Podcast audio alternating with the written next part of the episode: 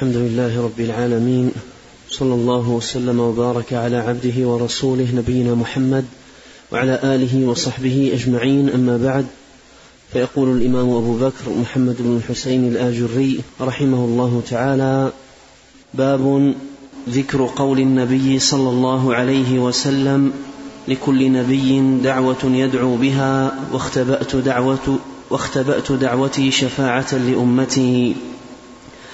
قال حدثنا أبو بكر جعفر بن محمد الفريابي قال حدثنا يزيد بن خالد بن موهب قال حدثنا عبد الله بن وهب قال أخبرنا يونس بن يزيد عن ابن شهاب أن عمرو بن أبي سفيان الثقفي أخبره أن أبا هريرة رضي الله عنه قال لكعب الأحبار إن نبي الله صلى الله عليه وسلم قال لكل نبي دعوة يدعو بها فأنا أريد إن شاء الله أن أختبئ دعوتي شفاعة لأمتي يوم القيامة.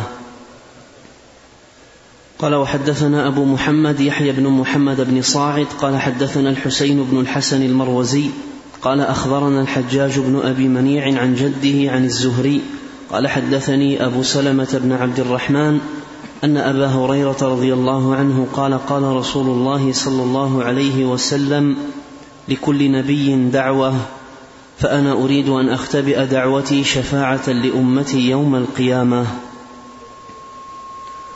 قال وأخبرنا أبو جعفر محمد بن صالح بن ذريح قال حدثنا هناد بن السري قال حدثنا عبده يعني ابن سليمان عن محمد بن إسحاق عن موسى بن عن موسى بن يسار عن أبي هريرة رضي الله عنه قال قال النبي صلى الله عليه وسلم لكل نبي دعوة دعا بها وإني اختبأت دعوتي شفاعة لأمتي يوم القيامة.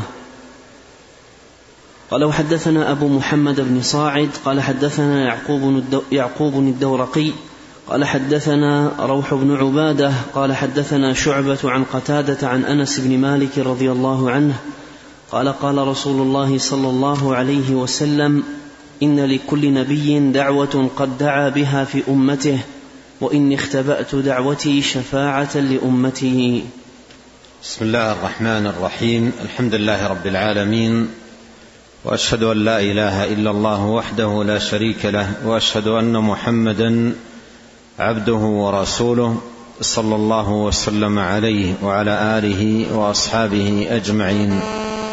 اللهم علمنا ما ينفعنا وانفعنا بما علمتنا وزدنا علما وأصلح لنا شأننا كله ولا تكلنا إلى أنفسنا طرفة عين. أما بعد فهذا الباب هو من الأبواب التي نوع فيها المصنف رحمه الله تعالى الاستدلال للشفاعة وإثباتها وأنها حق قد دلت عليها الدلائل وتكاثرت في إثباتها النصوص. وأيضا تتضمن هذه الأبواب الرد على من جحد الشفاعة وكذب بها من أرباب البدع وأهل الضلال والباطل. فالشفاعة حق ثابتة جاءت فيها نصوص كثيرة. ثابتة عن الرسول الكريم صلوات الله وسلامه وبركاته عليه. قال المصنف رحمه الله تعالى باب ذكر قول النبي صلى الله عليه وسلم لكل نبي دعوة يدعو بها واختبأت دعوتي شفاعة لأمتي. وساق تحت هذه الترجمة. حديث أبي هريرة ساقه من عدة طرق وحديث أنس بن مالك ساقه من طريق واحد وفيها إثبات الشفاعة وأنها حق. وهذا الحديث قول النبي عليه الصلاة والسلام لكل نبي دعوة يدعو بها. وإني اختبأت دعوتي شفاعة لأمتي يوم القيامة. فيه اولا إثبات الشفاعة وأنها حق وفيه عظيم رأفة ورحمة النبي الكريم عليه الصلاة والسلام بأمته كما قال الله سبحانه وتعالى لقد جاءكم رسول من أنفسكم عزيز عليه ما عنتم حريص عليكم بالمؤمنين رؤوف رحيم. فهذا الحديث شاهد من شواهد كثيرة على عظيم رأفة النبي عليه الصلاة والسلام ورحمته بأمته وشفقته عليه الصلاة والسلام.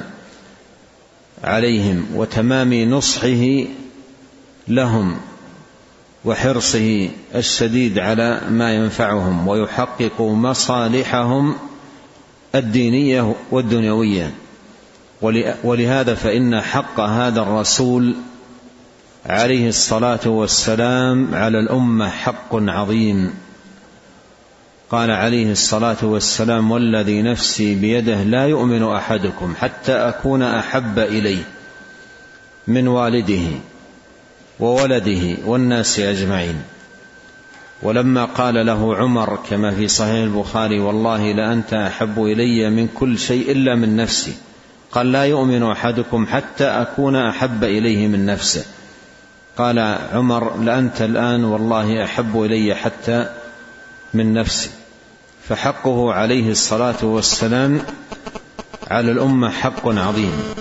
يجب أن تقدم محبته على محبة النفس والوالد والولد والناس أجمعين وأن تقدم أيضا طاعته على طاعة النفس لأن هذه علامة المحبة الصادقة. علامة المحبة الصادقة أن تقدم الطاعة طاعة الرسول عليه الصلاة والسلام على طاعة النفس. وإلا فأين المحبة الصادقة إذا كانت النفس الأمارة بالسوء هي المقدمة طاعتها على طاعة الرسول عليه الصلاة والسلام. الحاصل أن هذا الحديث العظيم من الدلائل والشواهد على عظيم شفقة هذا الرسول عليه الصلاة والسلام بالأمة ورحمته بهم وحرصه صلى الله عليه وسلم عليهم. قال لكل نبي دعوة يدعو بها. معنى دعوة يدعو بها أي دعوة مستجابة متيقن إجابتها. لكل نبي دعوة. والمراد بالدعوة المستجابة هنا أي دعوة عامة. دعوة عامة للأمة وإجابتها متحققة. وإجابتها متحققة. فأخبر عليه الصلاة والسلام أن كل نبي دعا بدعوته. وأنه صلى الله عليه وسلم اختبأ الدعوة وفي بعض الروايات أخر الدعوة شفاعة للأمة يوم القيامة. أخر عليه الصلاة والسلام دعوته المستجابة شفاعة لأمته يوم القيامة لأن مقام القيامة أعظم وهولها أشد وخطبها أكبر. فمن كمال حرصه على أمته وشفقته عليهم اختبأ هذه الدعوة اختبأ هذه الدعوة وادخرها وأخرها إلى يوم القيامة. في ذلك اليوم العظيم. أخرها شفاعة لأمته يوم القيامة عند الله سبحانه وتعالى في النجاة من العذاب ودخول الجنة. ألا فما أعظم حرص هذا الرسول؟ ونصحه عليه الصلاة والسلام. نسأل الله عز وجل أن يعمر قلوبنا بالمحبة الصادقة له عليه الصلاة والسلام وأن يوفقنا لحسن الاهتداء بهديه والعمل بسنته صلوات الله وسلامه وبركاته عليه. قوله اختبأت دعوتي الشفاعة شفاعة لأمتي يوم القيامة وإنها نائلة إن شاء الله من لا يشرك بالله شيئا كما جاء في بعض روايات الحديث المتقدمة. فيه ما أشرت إليه أن الشفاعة لا بد فيها من إذن للشافع بأن يشفع من ذا الذي يشفع عنده إلا بإذنه. ولهذا قال هنا في الحديث إن شاء الله لأن الأمور بإذن الله ومشيئة الله سبحانه وتعالى. ولا بد من رضا عن المشفوع له ولا يشفعون إلا لمن ارتضى. لا بد من رضا عن المشفوع له. ولهذا قال وهي نائلة إن شاء الله من لا يشرك بالله شيئا؟ أما من كان من أهل الشرك والعياذ بالله لا, لا نصيب له ولا حظ له من الشفاعة بل أمره كما قال الله سبحانه وتعالى فما تنفعهم شفاعة الشافعين. نعم. قال رحمه الله تعالى باب ذكر قول النبي صلى الله عليه وسلم إن الله خيرني بين أن يدخل نصف أمتي الجنة أو الشفاعة فاخترت الشفاعة. قال أخبرنا أبو جعفر محمد بن صالح بن ذريح العكبري قال حدثنا هناد بن السري قال حدثنا عبده يعني ابن سليمان عن سعيد بن أبي عروبة عن قتادة عن أبي المليح عن عوف بن مالك الأشجعي. قال كنا مع رسول الله صلى الله عليه وسلم في بعض أسفاره فذكر حديثا طويلا قال فيه وإن نبي الله صلى الله عليه وسلم جاءنا فقال أتاني الليلة آت من ربي عز وجل فخيرني بين الشفاعة بين الشفاعة وبين أن يدخل نصف أمة الجنة فاخترت الشفاعة. فقلنا يا رسول الله اجعلنا في شفاعتك فقال إنكم أهل شفاعتي. ثم أقبلنا مع رسول الله صلى الله عليه وسلم إلى الناس فقال إنه أتاني الليلة آت من ربي عز وجل فخيرني بين الشفاعة وبين أن يدخل نصف أمة الجنة فاخترت الشفاعة. فقالوا يا رسول الله اجعلنا من أهل شفاعتك. فقال رسول الله صلى الله عليه وسلم أشهد من حضرني أن شفاعتي لمن مات من أمتي لا يشرك بالله شيئا. قال وحدثنا أبو محمد بن صاعد قال حدثنا الحسن بن عبد العزيز الجروي قال حدثنا بشر بن بكر التنيسي قال ابن صاعد قال ابن صاعد وحدثنا يوسف بن سعيد المصيصي قال حدثنا عمارة بن بشر واللفظ لبشر بن بكر قال حدثنا عبد الرحمن بن يزيد بن جابر قال سمعت سليم بن عامر يقول سمعت عوف بن مالك الأشجعي يقول كنا مع رسول الله صلى الله عليه وسلم فقال أتدرون ما خيرني ربي عز وجل؟ قلنا الله ورسوله أعلم. قال خيرني أن يدخل نصف أمة الجنة وبين الشفاعة فاخترت الشفاعة. قلنا يا رسول الله ادعو الله عز وجل أن يجعلنا من أهلها. قال هي لكل مسلم. ثم عقد رحمه الله تعالى هذه الترجمة. وهي مأخوذة من نص الحديث الذي ساقه رحمه الله تعالى. قول النبي صلى الله عليه وسلم إن الله خيرني بين أن يدخل نصف أمتي الجنة وبين الشفاعة فاخترت الشفاعة. خيرني أي خيره الله سبحانه وتعالى بين أمرين يختار أيهما أراد صلوات الله وسلامه عليه فاختار منهما الأفضل لأنه ناصح عليه الصلاة والسلام لأمته تمام النصح فخيره الله سبحانه وتعالى بين أن يدخل نصف أمته صلى الله عليه وسلم الجنة أو أن يختار الشفاعة. فاختار عليه الصلاة والسلام الشفاعة. فعلم من هذا الاختيار أن الشفاعة يكون فيها الدخول للجنة من الأمة أكثر من النصف بكثير لأنه صلى الله عليه وسلم لا يختار إلا الأصلح للأمة والأعظم نفعا للأمة صلى الله عليه وسلم وهذا من تمام نصحه وكمال حرصه وجميل شفقته عليه الصلاة والسلام بأمته.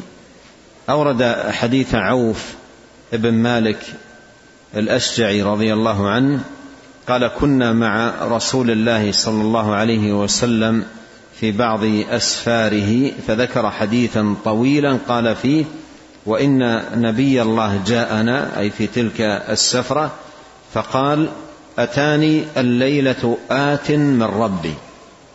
أتاني الليلة آت من ربي. آت أي ملك من الملائكة.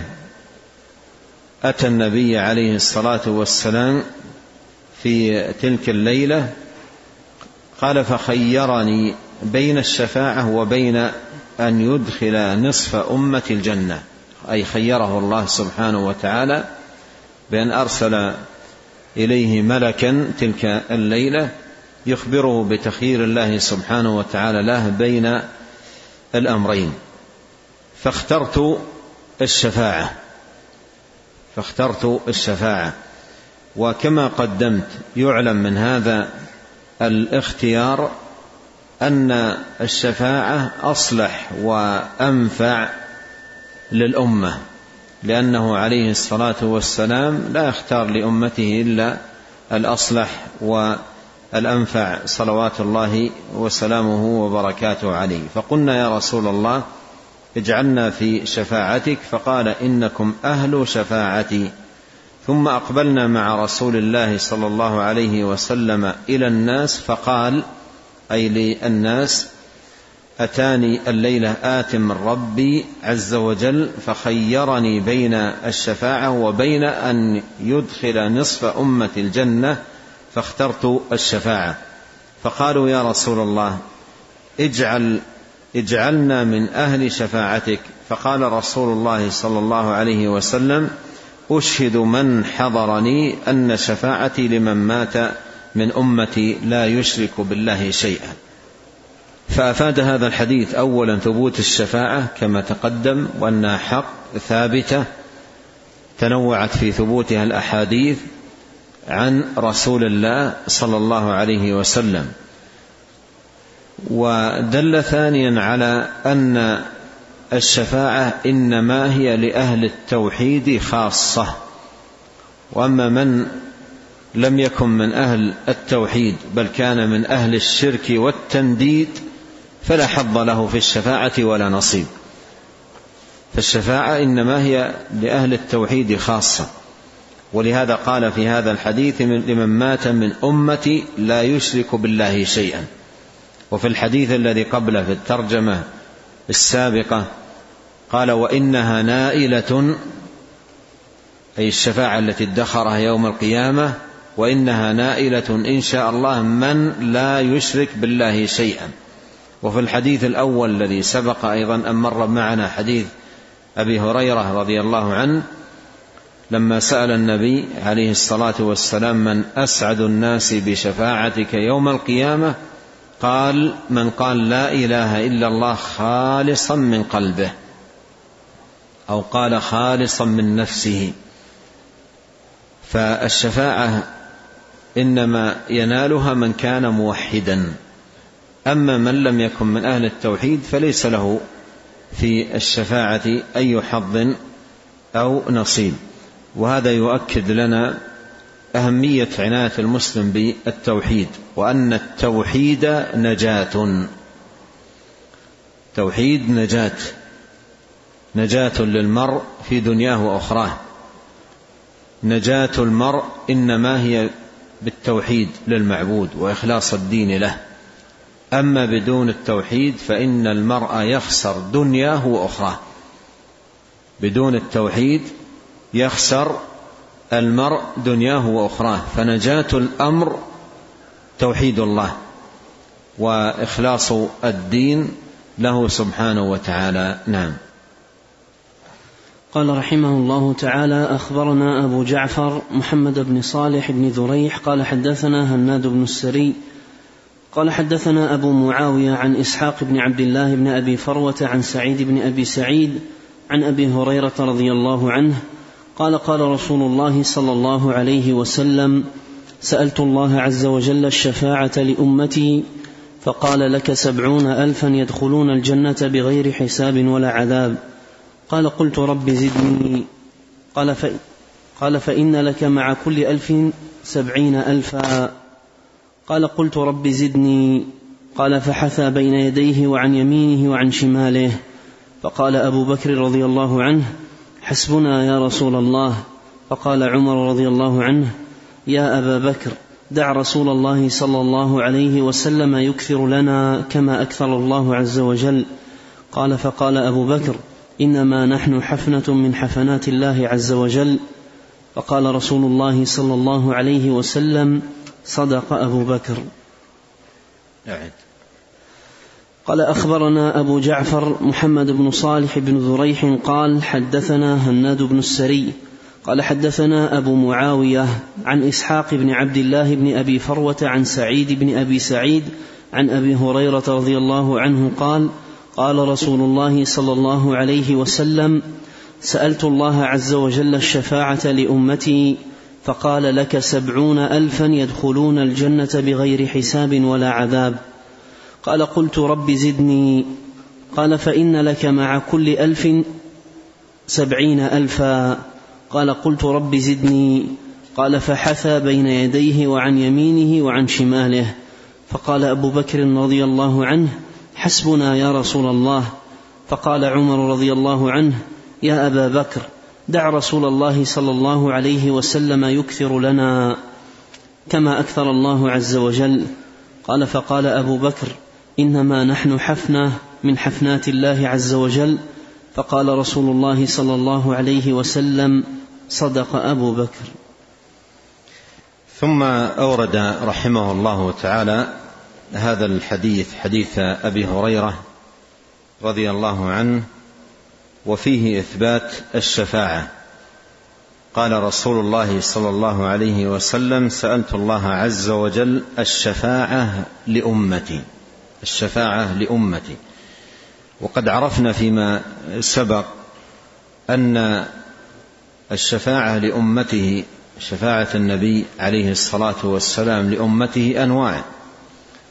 أيضا غير الشفاعة العظمى التي هي للناس أجمعين في أن يبدأ الله بالحساب وفيها قول الله سبحانه وتعالى عسى أن يبعثك ربك مقاما محمودا. لكن هذه شفاعات خاصة بالأمة. و وهذه الشفاعة التي لأمته عليه الصلاة والسلام أنواع. منها شفاعة لمن استحق دخول النار ألا يدخل ولمن دخل أن يخرج وشفاعة لأهل الجنة في دخول الجنة وشفاعة أيضا لمن دخلوا في رفعة المنازل جاءت أنواع في إثبات هذه آه، الشفاعة. ولا ينال شيء من هذه الشفاعات إلا من كان موحدا من كان مسلما. أما من كان على الشرك بالله سبحانه وتعالى فإنه لا حظ له في هذه الشفاعة ولا نصيب. فهنا يقول في في هذا الحديث سألت الله عز وجل الشفاعة لأمتي. الشفاعة لأمتي أي شفاعة لهم في الدخول للجنة بدون بدون حساب. فأعطاه الله سبحانه وتعالى سبعون ألف. أعطاه الله سبعون ألفا يدخلون الجنة بغير حساب ولا عذاب. ومن عظيم نصحه وحرصه على الأمة عليه الصلاة والسلام استزاد الله. لما أعطاه السبعين ألف يدخلون الجنة بدون حساب ولا عذاب استزاد الله طلب من الله سبحانه وتعالى أن يزيده فأعطاه مع كل ألف سبعون ألفا. مع كل ألف سبعون ألفا. وهي كم ألف؟ تحسب كم ألف وتضربها في سبعين ألف. وجاء في بعض الروايات مع كل واحد سبعين ألفا وهذا أكثر بكثير. فالحاصل أن النبي عليه الصلاة والسلام استزاد الله جل في علاه فزاده مع كل ألف سبعين ألفا وهذا كله من حرص النبي عليه الصلاة والسلام ونصحه للأمة. ثم ذكر بعد ذلك أنه استزاده فحثى بين يديه وعن يمينه وعن شماله قال أبو بكر رضي الله عنه حسبنا يا رسول الله فقال عمر يا أبا بكر دعنا يكثر لنا كما أكثر الله عز وجل إلى تمام الحديث. هذه الزيادة فيما أعلم إنما جاءت في هذه الرواية وفيها إسحاق بن عبد الله متروك كما في التقريب. لكن أول الحديث له شواهد. عديدة تشهد لثبوته وصحته منها في المسند من حديث أبي بكر رضي الله عنه وأيضا من حديث غيره فلها شواهد آه، تتقوى بها. نعم. قال رحمه الله تعالى حدثنا أبو بكر ابن محمد بن عبد الحميد الواسطي قال حدثنا أبو هشام الرفاعي قال حدثنا أبو بكر بن عياش قال حدثنا حميد عن عن أنس قال رضي الله عنه قال قال رسول الله صلى الله عليه وسلم إذا كان يوم القيامة أوتيت الشفاعة فأشفع لمن كان في قلبه مثقال حبة من إيمان ثم أشفع لمن كان في قلبه مثقال ذرة حتى لا يبقى أحد في قلبه من الإيمان هذا وحرك الإبهام والمسبحة.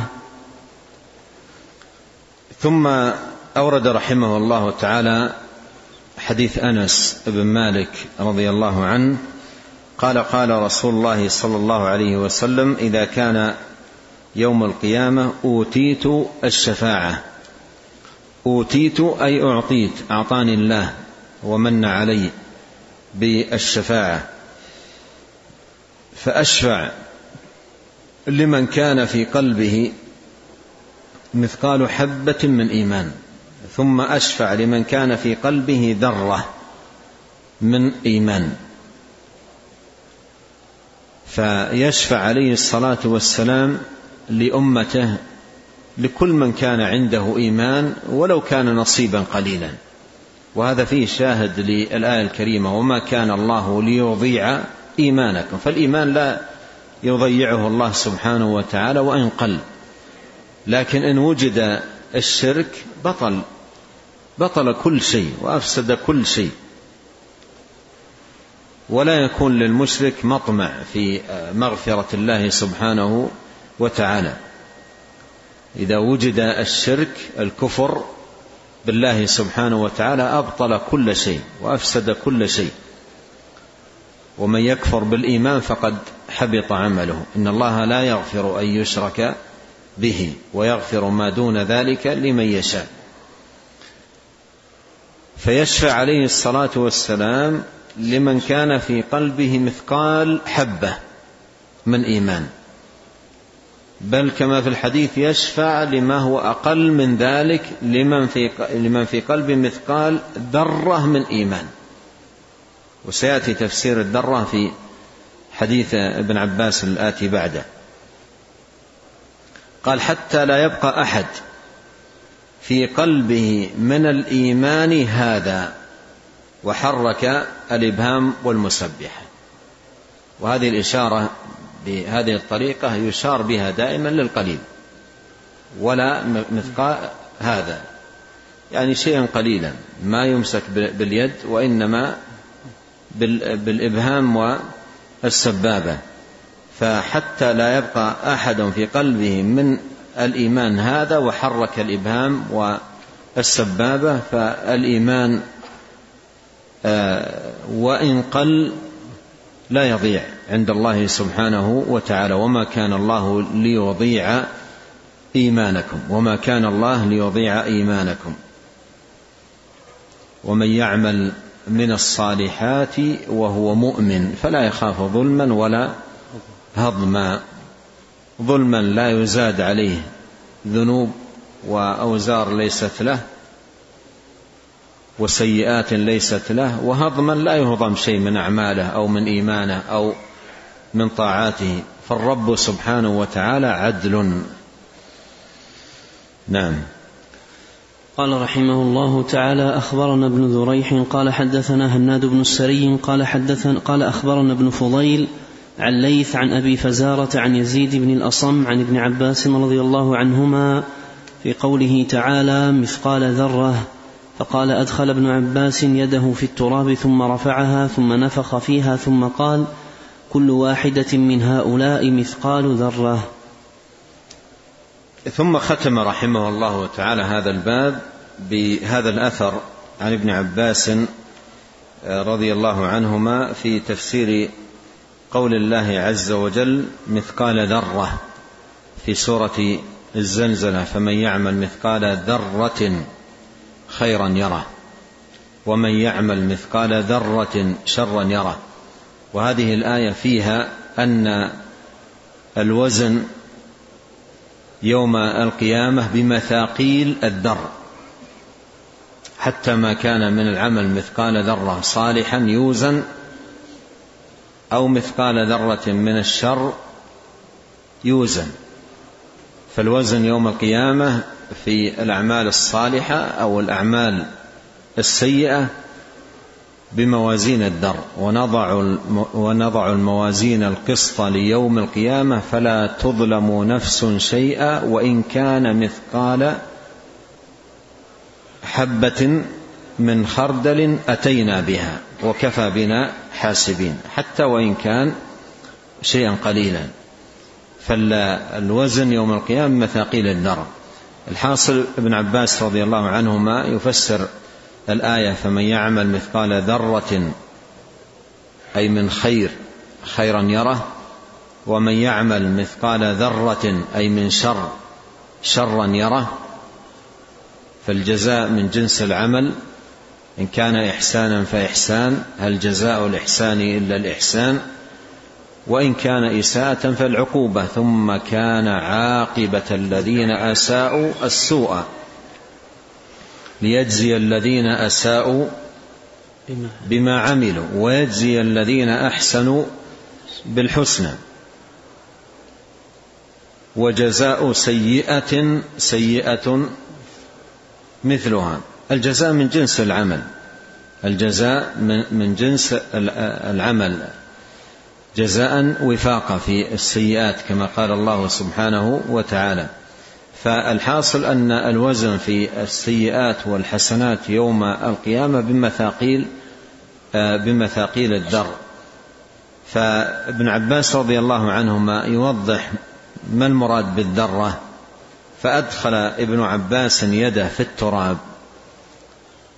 فيعلق حينئذ بها شيء من التراب ثم رفعها ثم نفخ فيها. فطار التراب الذي رذاذ التراب الذي في يده طار في الهواء ثم قال كل واحدة من هؤلاء مثقال ذرة. كل واحدة من هؤلاء مثقال ذرة. فمعنى ذلك أن الوزن يوم القيامة بهذا المثقال مثقال الذر من الحسنات والسيئات فمن يعمل مثقال ذرة أي من حسنات خيرا يره ومن يعمل مثقال ذرة أي من السيئات شرا يره. ونسأل الله أن يصلح لنا أجمعين النية والعمل وأن يهدينا إليه صراطا مستقيما وأن لا يكلنا إلى أنفسنا طرفة عين وأن يغفر لنا ولوالدينا ولمشايخنا ولولاة أمرنا وللمسلمين والمسلمات والمؤمنين والمؤمنات الأحياء منهم والأموات. اللهم اقسم لنا من خشيتك ما يحول بيننا وبين معاصيك ومن طاعتك ما تبلغنا به جنتك ومن اليقين ما تهون به علينا مصائب الدنيا. اللهم متعنا بأسماعنا وأبصارنا وقوتنا ما احييتنا واجعله الوارث منا. واجعل ثأرنا على من ظلمنا وانصرنا على من عادانا ولا تجعل مصيبتنا في ديننا ولا تجعل الدنيا أكبر همنا ولا مبلغ علمنا ولا تسلط علينا من لا يرحمنا. سبحانك اللهم وبحمدك أشهد أن لا إله إلا أنت أستغفرك وأتوب إليك. اللهم صل وسلم على عبدك ورسولك نبينا محمد وآله وصحبه. جزاكم الله خيرا.